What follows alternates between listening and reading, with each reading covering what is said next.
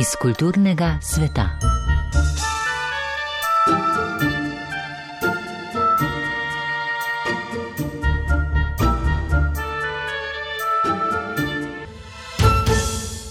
Dobro večer vsem, ki ste naravnani na valove Radia Koper. Torek je in to je čas za kulturo. Oddajo bomo začeli s Tartini festivalom, ki se mu je v Tartinjevem letu zgodilo najhujše možno.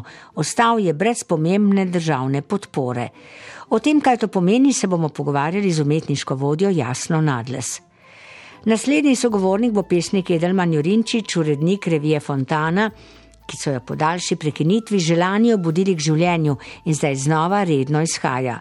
Prav danes pa se fontanovci srečujejo v Ankaranu in razmišljajo o prihodnosti tega projekta.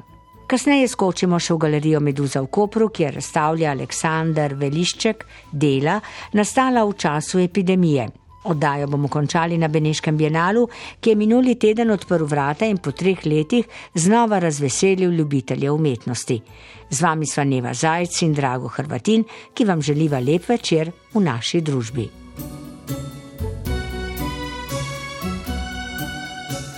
Poletje prinaša v naše kraje tudi več festivalov. Med najpomembnejšimi je gotovo Tartini festival, ki že več kot 20 let skrbi za posredovanje dragocene dediščine v Piranu rojenega Giuseppeja Tartinija. Letos mineva 330 let od rojstva tega skladatelja in enega največjih violinistov svoje dobe. Vlada Republike Slovenije je konec lanskega leta razglasila leto 2022 za Tartinjevo leto, kar naj bi spodbudilo programe glasbenega raziskovanja in izobraževanja in pripravo vsebin, ki se bodo navezovale na to pomembno obletnico. Na drugi strani je povsem nerazumljiva odločitev Ministrstva za kulturo, ki organizatorjem festivala ni odobrilo sredstev za izvedbo festivala, ne letos, ne za naslednja tri leta, kot je bila doslej praksa skladna z razpisom, predvsem pa upoštevajoč odličnost tega festivala in njegovo lokalno, nacionalno in mednarodno vlogo. Za nekaj pojasnil smo poklicali umetniško vodjo Jasno Nadles in jo vprašali, kako so sprejeli to novico in kaj to pomeni za festival. Za Tartini festival so to sigurno zelo, zelo slabe novice, saj je bil naš največji financer v zadnjih 20 letih prav Ministrstvo za kulturo. Na letni ravni so namenili festivalu nekaj več kot 40 tisoč in če ta številka sedaj postane nič, prav v obdobju Tartinjevega leta, ko bi mi morali pripravljati program, imeti komunikacijo z glasbeniki, je za nas to sigurno porazna novica. Istočasno pa je tudi občina sporočila, da so njihova sredstva vezana na pozitivno odobritev ministrstva. Tako da v tem trenutku ne vemo, če bomo v bistvu sploh eh, uspeli preživeti že to leto. Kaj lahko naredite v tem trenutku, ko se poletje bliža? V tem trenutku prvo bi potrebovali zagotovilo občine, da nam bo sigurno namenila sredstva, ki jih je obljubila, to je 30 tisoč evrov, da vsaj nekoliko rešimo program. Glede ministerstva pa je žal zelo težko, ker z njimi nekega odprtega dialoga ni. Kar nam ostane v tem trenutku je samo tožba, ki pa je dolgotrajen proces.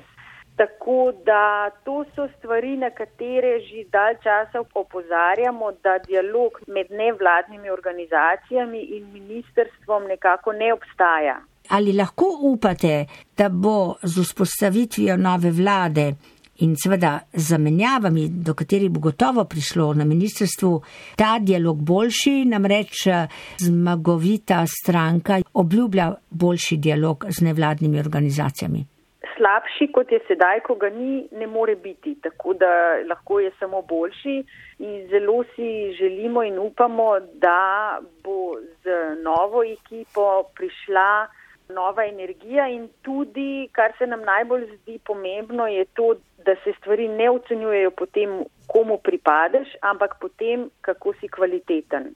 In to je bilo tudi vedno naše vodilo, da pripravljamo vrhunski program in vsi, ki festival redno obiskujejo, tako strokovna publika kot naši obiskovalci, nam ostajajo zvesti iz leta v leto, ker je prav to, kar nudimo Piranu in Primorski in Sloveniji. In jaz mislim, da za celo Primorsko in Piran pa tudi Slovenijo bi bila izguba festivala ogromna, ogromna izguba v kulturi, ker takšnega festivala ni. Morali bi obiskovati Tartinijev festival v Padovi, ne pa v Piranu. Jaz mislim, da bi bila to za državo Slovenija ogromna škoda. Še to, čemu se boste morali odpovedati konkretno leto? Zdaj smo tik pred eh, sezono, ko se je festival začel. Seveda tukaj obstajajo že neki dogovori. Česa zanesljivo ne bomo slišali v Piranu? V Piranu sigurno ne bo podpornih programov, kjer smo vzpostavili z muzikologi, da bi bile muzikološke delavnice, simpoziji, potem sigurno ne bo baročnih delavnic, baročnih inštrumentov, sigurno je postavljeno pod vprašanje mednarodno gostovanje in promocija festivalskega ansambla Terco Svono, kar se mi zdi ogromna škoda, da lasna produkcija, ki je potovala po evropskih festivalih, sedaj prihaja pod vprašaj in pa tudi sigurno bo zelo, zelo skrčen oziroma na minimum postavljen tudi sam program. Zdaj bomo videli, kateri glasbeniki bodo sploh še, ker smo tako, tako dolgo čakali na sploh kakršen koli odgovor ministerstva, kateri glasbeniki bodo sploh se še zadržali proste termine, da pridejo v Piran. Tako da v bistvu vse skupaj je ena popolna katastrofa. V Trtinjevem letu tega res nismo pričakovali. Ali lahko v tem trenutku računate na kakšna hitra intervencijska sredstva ali za letos končano? Vse dialoge, ki sem jih probala vzpostaviti z ministrstvom, so mi pač povedali, da niste dobili dovolj točk in tukaj je za njih eh, zgodba končana. Jaz mislim, da festival, ki obstaja 20 let in ki je 20 let skrbel za dediščino, Tartinjevo dediščino, da si zasluži več kot to. Jaz upam, da bi bila možnost kakšnih intervencijskih sredstev, ampak jaz mehanizmov na Ministrstvu za kulturo žal ne poznam, ker še nikoli nismo bili v takšni situaciji, da je tako strahovito ogrožen sam obstoj festivala. Kaj pa zunaj ministrstva? Partneri, ki smo jih zgradili v zadnjih 20 letih, kot so sponzori, tuji inštituti, nam ostajajo zvesti. Občina, upajmo, da bo zadržala obljubljenih 30 tisoč evrov. Bilo bi perfektno, če bi rekli, da v situaciji, ko smo se znajdli v tako težki situaciji, da bi rekli, bomo mi zakrpali luknjo ministerstva, vendar to nekako težko pričakujemo, da bi se odločili, da bodo tako stali festivalu ob strani, ker tudi v zadnjih 20 letih smo se vedno morali tudi za sredstva občine vedno zelo pošteno potruditi.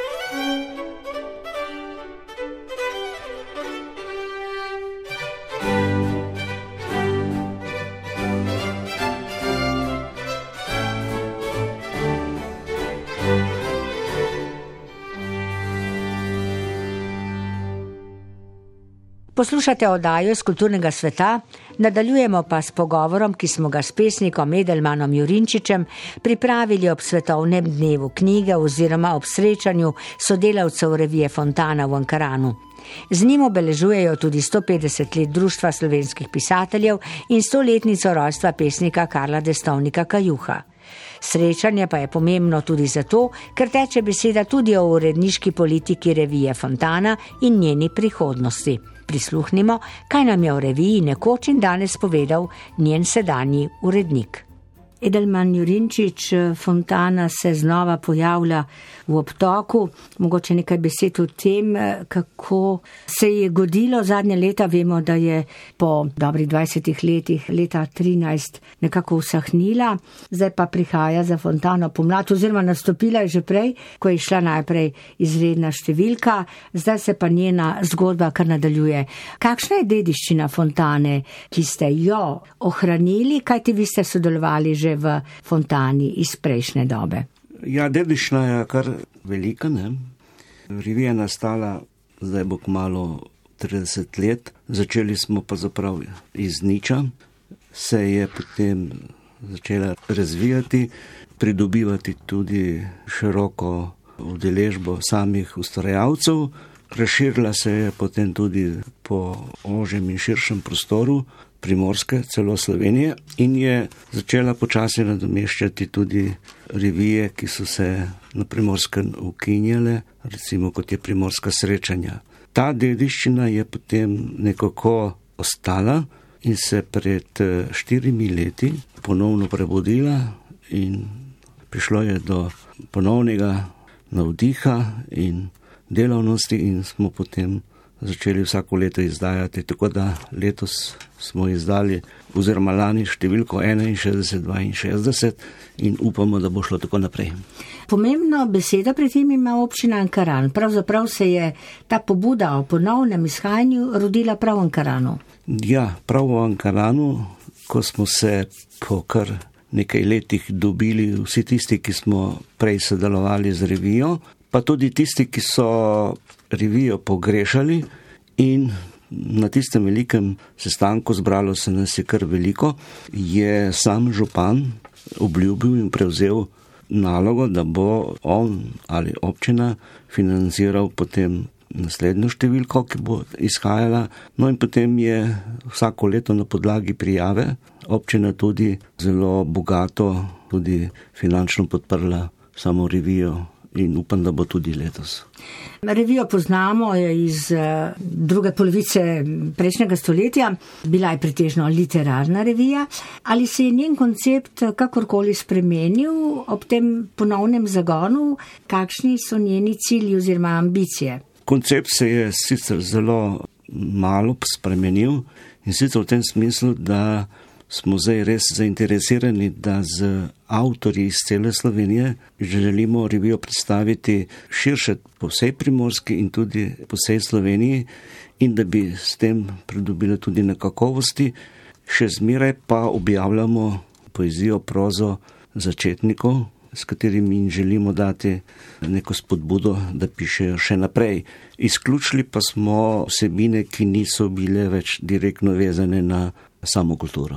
Kakšen je ustvarjalni bazen za vsako revijo izjemno pomembno, da sodeluje z avtorji in uh, bolj so avtori dobri, vešči ali kakorkoli bi lahko že rekli, bolj je revija pomembna. Bazen samih avtorjev se povečuje, predvsem zaradi tega, ker je zanimanje za samo revijo eh, se povečalo in ko pač pozovemo ali pokličemo tudi avtori širše Slovenije, ko jim tudi predstavimo samo revijo, so ocene zelo pozitivne in zelo radi tudi potem se delujejo. Velik prodor smo dosegli s tem, da organiziramo v Ankaranu te večere jedranske poezije. To je pač nastopi pet pesnikov iz cele Slovenije, Hrvaške in zamestva in vse pesnike potem tudi objavimo v reviji kar prinaša eno dodatno kakovost in širino. Vi ste trenutno edini urednik ali nameravate, bi si želeli uredništvo razširiti? Ja, tudi to je želja. Danes, ne, zvečer v rezidenci Ortus v Ankaranu, se bomo dobili fontanovci in ponujeno bo tudi oblikovanje uredniškega odbora, kajti ugotovili smo, da se ne da brez uredniškega odbora širiti samo revijo kakovostno in drugače. Trenutno smo na tem področju trije, ne? založba Libris, Ingrid Celestina in lektorica Alferija Bržan. Omenili ste Hrvaško, ko ste govorili o večerjih jadranske poezije, ki se mi zdijo zelo smiselni zaradi tega, ker je srečanje v živo izjemno pomembno. Mogoče zdaj še bolj, potem, ko smo preživeli dve leti nekakšne osame v vsakem smislu. Kako boste segali čez obe meji? Tako kot smo recimo pri sedanji organizaciji, recimo naj samo omenim, da iz eh, Hrvaške je lani sodeloval Boris Biletič, ne. letos bo tudi sami oni bodo predlagali svojega pesnika, ki bo prišel takrat 7. oktobra v Ankaran. Na podlagi tega, da sami izberejo svojega najboljšega pesnika ali pesnico, je že zelo povezano. Ne? Drugo pa, lani je bil Marečuk iz zamestva, letos bo Ace Mrmolja, kar pomeni, da tudi ta kruh v zamestvo zelo radi sodeluje na teh večerjih in sočasno tudi v sami reviji. Ne? To so znane in preizkušena imena, kako nabirate podmladek oziroma kako vabite podmladek in koliko ga je. Podmladek je tudi vključen v te večere, recimo lani je bil Martin Mikulič, ki vodi ali pa je v skupini mladih pesnikov tu na Koperskem in preko njegovega nastopa, preko objave njegove poezije dajemo možnost, da je postane prepoznaven. Ne? Za letos imamo Nino Medved, ki je tudi začetnica na tem področju. S tem načinom pridobujemo potem mlado vse naokrog. Je pa res, da potem objavimo tudi pesmi, ki so, recimo kot je Marija Ferjančične, druge pesnike, ki živijo na tem področju in se šele uvajajo ali pa so nekoliko pesnici starejše generacije, ki pišejo bolj za sebe, ampak naša spodbuda je, da tudi oni objavijo svojo poezijo. Seveda se ne morete izogniti tudi nekaterim aktualnim političnim temam, če lahko tako rečem. Mhm. Recimo v tej zadnji številki se mi zdi kar pomembno, da se Tone Pršak loteva lokalnih kulturnih programov oziroma strategije Pika, ki je v tem prostoru izjemno pomembna, ampak mislim, da še ne dovolj dobro prepoznana. Težave so v Piranu, ker dvomijo v njene vsebine oziroma občutek imam, da jo niti ne razumejo prav dobro. Se vam zdi pomembno, da govorite tudi o nekaterih političnih dejanjih, kot je recimo ustanavljanje skupne strategije na področju kulture za ta prostor? Ta številka, ki je išla, je prav bila namenjena tudi temu dokumentu, pač udeleženci Fontane, pa tudi jaz osebno sem ta dokument zelo podpiral. Sodeloval sem tudi na nekaterih delavnicah in mislim, da je ta dokument zelo dragocen, pomemben za razvoj kulture v slovenski istri. Ne. Obžalujem, da v Piranu ni bil potrjen. In imeli smo celo namen, če bi vse štiri občine to potrdile, da bi objavili celotno strategijo v Fontani, ampak nismo mogli, ker ni bila še potrjena. Ne smo pač ocenili, da lahko vnesemo noter samo prispevek Toneta Prešaka in zraven tudi vlada Žobota. On govori o modelih, novih modelih kulturne politike pri nas, ki sočasno se upada pa s to strategijo. In oba članka veliko pripomorate k tej strategiji in tudi nosilci strategije, ko so prebirali oba članka, so bili zadovoljni, so njihove razmišljanja sprijeli. Za Ankaran pa pomembno, ker v Ankaranu nimamo še občinskega kulturnega programa in to bo izhodišče za oblikovanje tega našega programa v Ankaranu. V Sloveniji smo imeli v zadnjih letih kar nekaj težav s kulturno politiko, pri čemer so bili mnogi prezrti. Recimo eklatanten primer zadnji je, da država razglasi Tartinjevo leto, potem pa odtegne vsa sredstva festivalu Tartini, ki je izjemno, izjemno pomemben festival na tem področju. Verjetno se bo Fontana morala tudi vnaprej še ukvarjati z nekaterimi aktualnimi kulturno-političnimi vprašanji verjamem, kar se bo govorilo o kulturni politiki, ne, bo treba to odpreti tudi znotraj fontane. Načrtujemo tudi za to številko, da bomo spregovorili o tako imenovanem literarnem turizmu, ki pripravljamo 7. oktober tudi simpozij na to temo. Ne? In tukaj ugotavljamo, da slovenska istra nima tega področja še ustrezno razvito in tam bomo postavili izhodišče, kako bi lahko v tej naši slovenski istri povezovali literaturo, turizem in posredno tudi gospodarstvo. Je, jasno pa je, da uh, sam državni vrh, posebno sedanje Ministrstvo za kulturo, ni bilo naklonjeno niti tem regionalnim kulturnim projektom, ne? posebno v razgovorih, vse tisti, ker sem jaz jih imel, ni bilo začutiti podpore, da bi lahko potem morda revijo nekako priključili tudi tem stabilnim finančnim sredstvom, ki jih bodi si ministrstvo ali pa javna agencija za knjigo podpira. Skladnega razvoja Slovenije v kulturnem smislu prav gotovo že nekaj časa ne poznamo. Edelman Jurinčič, mogoče samo še na kaj bi še veljalo opozoriti iz vsebine, veliko sva že povedala, ne, o tej novi številki. Jaz bi tukaj objavila ponovno Marjan Domčeč svoje zgodnje dela, ki jih jih pač ni bilo zaslediti v njegovi obširni eh, sestavi eh, literarnih knjig in del. Drugo pa, jaz tudi zdaj objavljam arhajično istro, ne? je to osnova za roman, ki bo zajel obdobje od 1900 do 1960 in sicer dve družini iz Istre, ki so pač sodelovali z zgodovinskimi dejstvi na tem področju, z notranjimi tragičnimi dogodki in načrtovano je, da bi pač to kot roman prišel v naslednjem letu. In seveda tudi omenil bi tudi zelo pomembno knjigo za istrsko področje, to je knjiga Antona Mihevc Toneta, ne, ki je uredila Tanja Jakominko Cijančič. Je to pravzaprav eno arhivsko področje, kako so v preteklosti, posebno med obema vojnama, pač tudi v istenskem prostoru bili zapisovalci nekih dogodkov. To bi na to upozoril, da pač kdo bo posegel po te reviji, dobijo lahko v Librisu, da bo pač tudi za to obdobje imel nekaj svojih informacij. Bodi dovolj za danes. Hvala lepa za pogovor, Edelman Jurinčič. Vse dobro reviji in vam osebno kot ustvarjalcu še naprej.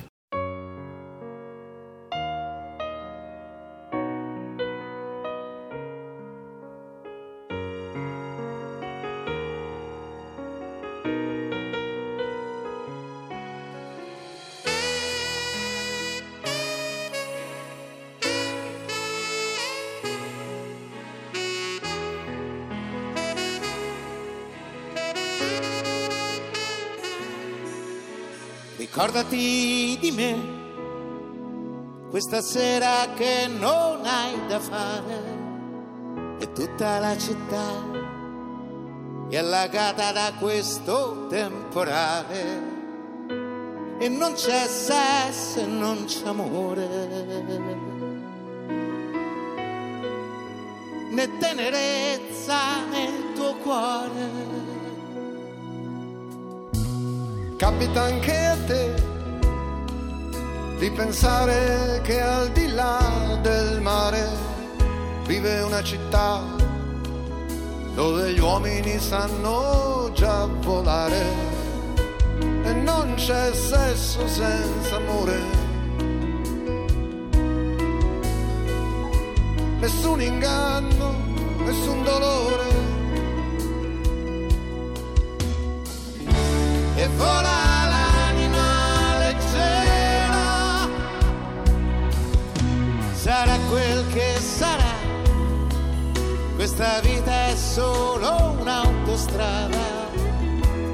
porterà alla fine di questa giornata e sono niente senza amore. Se tu il rimpianto e il mio dolore, che come il tempo mi consuma, lo sai o non lo sai? Che per me sei sempre tu la sola. Chiama quando vuoi, basta un gesto, basta una parola, che non c'è sesso senza amore. E dura legge nel mio cuore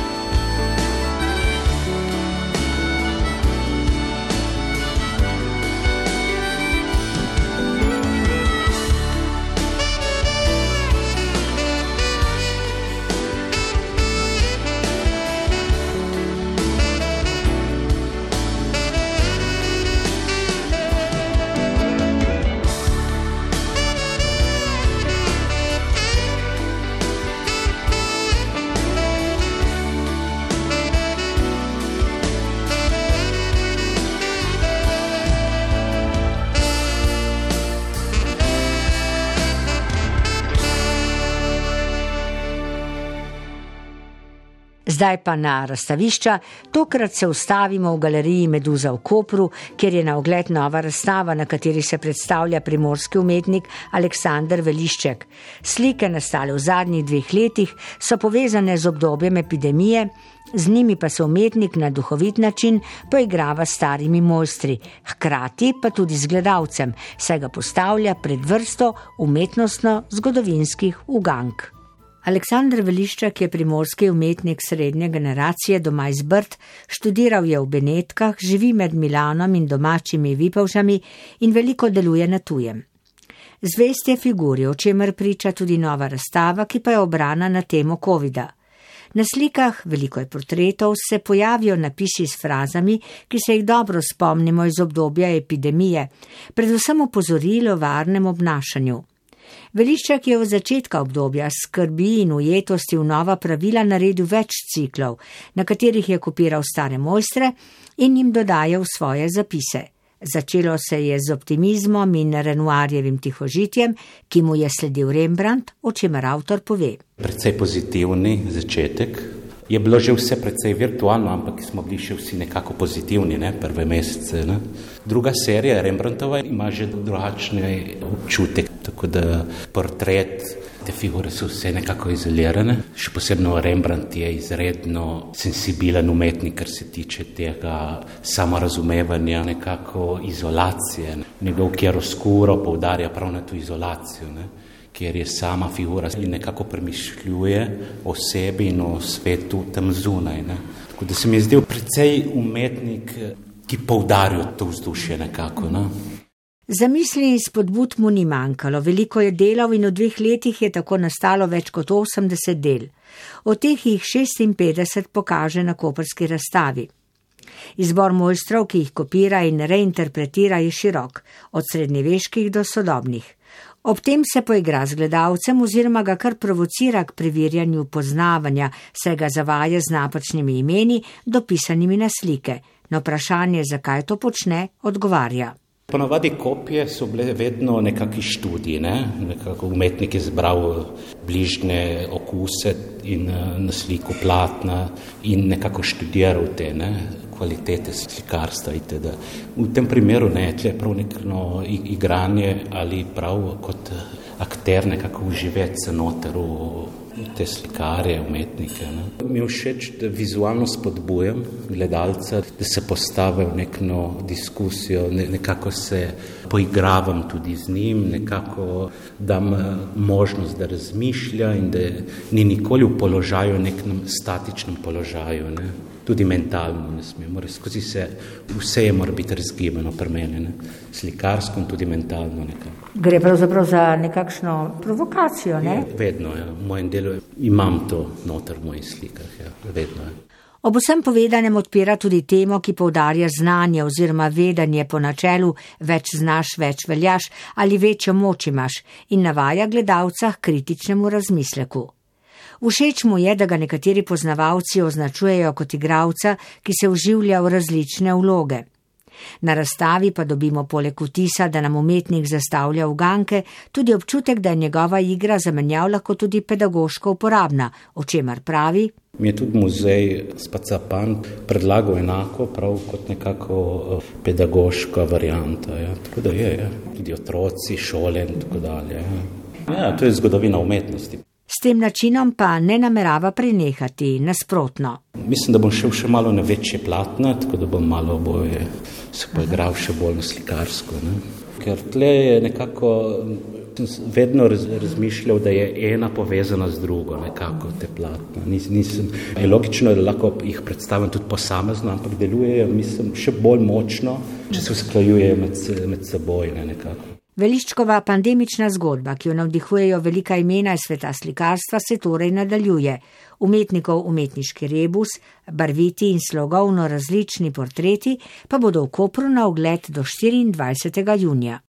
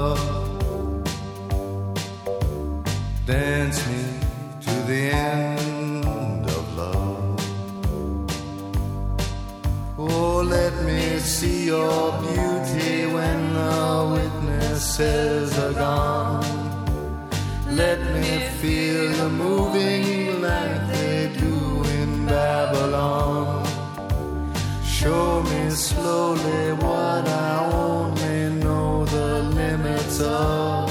Oh, dance me to the end of love. Dance me to the end.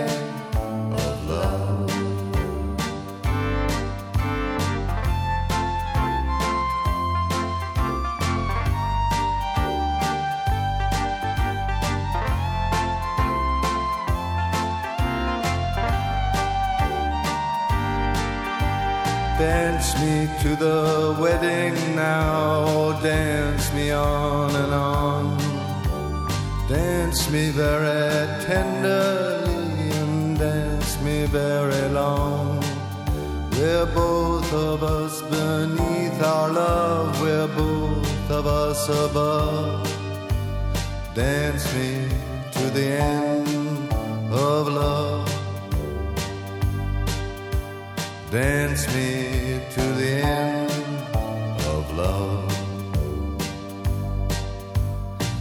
Dance me to the children who are asking to be born. Dance me through the curtains that our kisses have outworn. Raise a tent of shelter now, though every thread is torn. Dance me to the end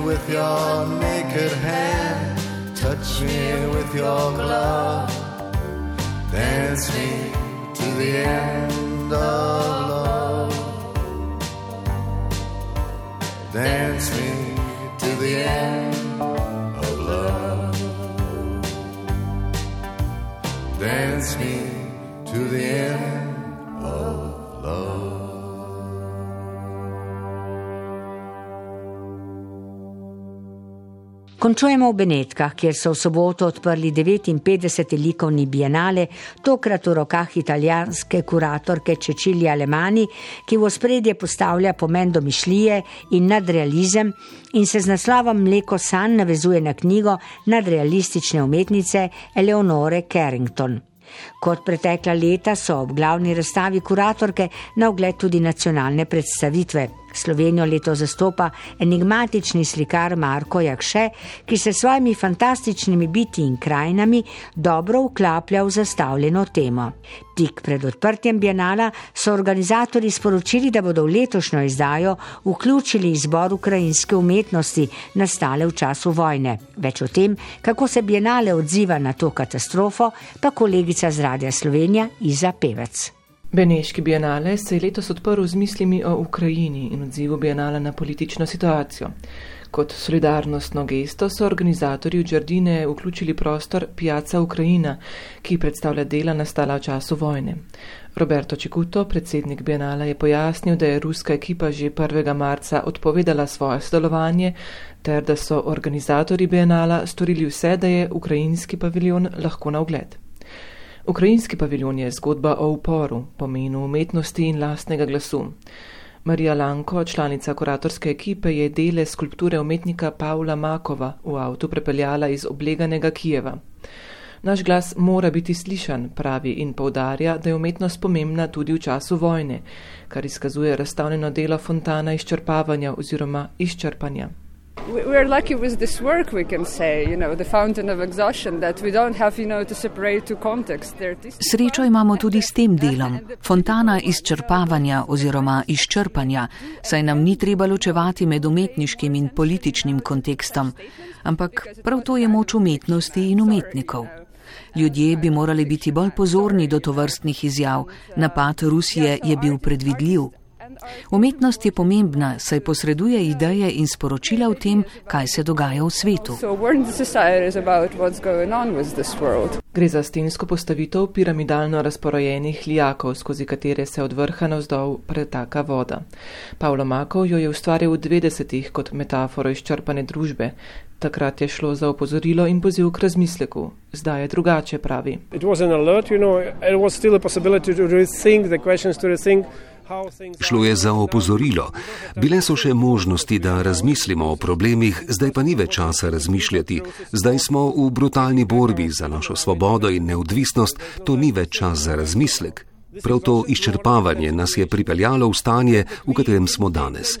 Tu smo se znašli zato, ker nismo bili dovolj pozorni, ker problemom nismo posvečali pozornosti, ker smo bili pripravljeni prodati lastna načela za poceni olje in plin.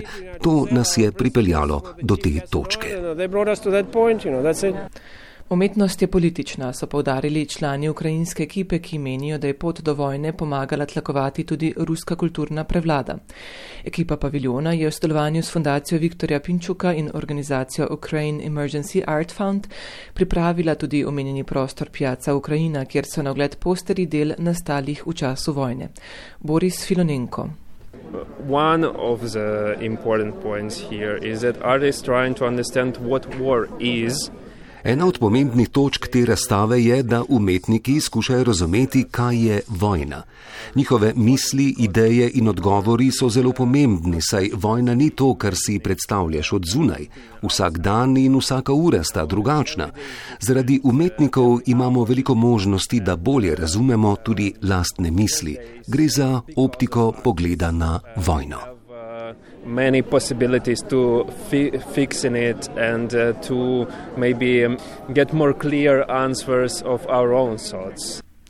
Ne le v luči vojne, temveč tudi pandemije, se nanašanje na nadrealizem in domišljijo, ki sta v spredju letošnje osrednje razstave, morda na vide zdi apolitično. A kuratorka Čečilija Alemani meni, da ima domišljija politično moč in med današnjim časom in nadrealizmom vidi usporednice. In the last few years, there have been amazing shows about surrealism, including Fantastic Women or Beyond. V zadnjih letih je bilo več sjajnih razstav o nadrealizmu, med njimi recimo fantastične ženske ali nadrealizem onkraj meja. Šlo je za razstave, ki so skušale razširiti identiteto in naravo nadrealizma. Mislim, da je bil nadrealizem izrazito politično gibanje.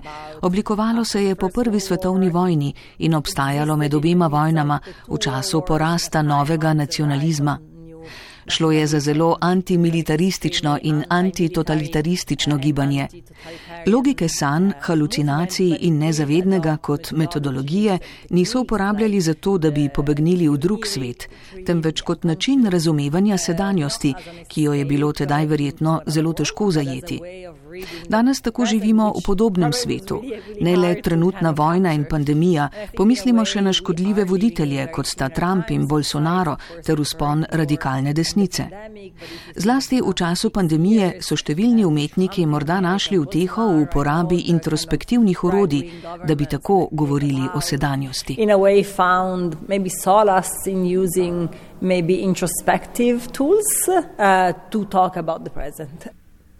Z naslovom razstave Mleko San se sicer kuratorka naslanja na knjigo nadrealistične umetnice Leonore Carrington, ki si zamišlja svet, kjer se vsakdo lahko spremeni in postane nekaj drugega. Razstava pa razkriva misli posthumanizma, tematizira odnos med človekom in tehnologijo ter razmišlja o bolj simbiotičnem svetu. Izpodbijati želi prepričanje o belem moškem kot merilu sveta in tudi zato je kuratorka k sodelovanju povabila številne ženske in nebinarne osebe. Kanon pa želi razširjati tudi s tako imenovanimi časovnimi kapsulami na razstavi, kamor je umestila starejša dela. V kontekst nadrealizma se dobro umešča slovenski paviljon, ki je svoja vrata odprl četrtek. Leto se predstavlja enigmatični slikar Marko Jakše, ki v svojem dolgoletnem opusu ostaja zvest slikarstvu. Ako vstopimo v slovenski paviljon, njegove velikoformatne slike zaradi natančne osvetlitve zažarijo, kot bi šlo za ekrane. Marko Jekše je v bistvu sam pobarval stene paviljona in je v bistvu umetnik, ki vse čas želi participirati v prostoru, kadar gre za postavitev in se nenehno želi identificirati s prostorom, v katerem so razstavljene njegove slike, tako da tukaj je tudi sam umetnik uh, izjemno intenzivno uh, uh, sodeloval. Tako kustos Robert Simonišek o samosvojem umetniku, ki se v javnosti ne pojavlja in ne pristaja na norme institucionalnega sistema. Ja, mogoče smo to ponazorili že samim naslovom razstave Brez gospodarja, ne, s čimer smo pač uh, izpostavili delovanje brez neke avtoritete in ta segment je zelo pomemben uh, v življenju uh, Marka Ekšeta in ga spremlja od mladosti, ta subverzivnost in uh, lahko bi rekli umikanje pred javnostjo, vendar po drugi strani je to, po mojem prepričanju, gre najbolj zato, da je vse čas predan svojemu delu, torej da želi vse ta čas, ki bi ga namenil ne vem, nekim intervjujem, pojavom, eh, torej pojavljanju v medijih, eh, sam umetnik v bistvu želi izkoristiti za, za samo slikarstvo, za raziskovanje Simonišek pove še, da je bil izbor del zaradi Jakšetovega obsežnega opusa težaven. Na ogled so tako po njegovem mnenju najbolj presunljive in subtilne slike iz zadnjih dveh desetletij. Kako so videti na bienalu, pa boste lahko preverili vse do 27. novembra. To je vse za danes v oddaji iz kulturnega sveta. Lepe praznike od jutri naprej vam želimo in nasvidenje čez teden dni.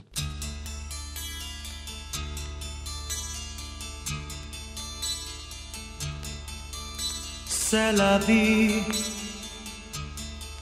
Have your leaves all turned to brown? Will you scatter them around you?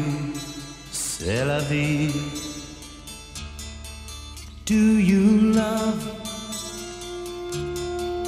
And then how am I to know? If you don't let your love show for me, c'est la vie.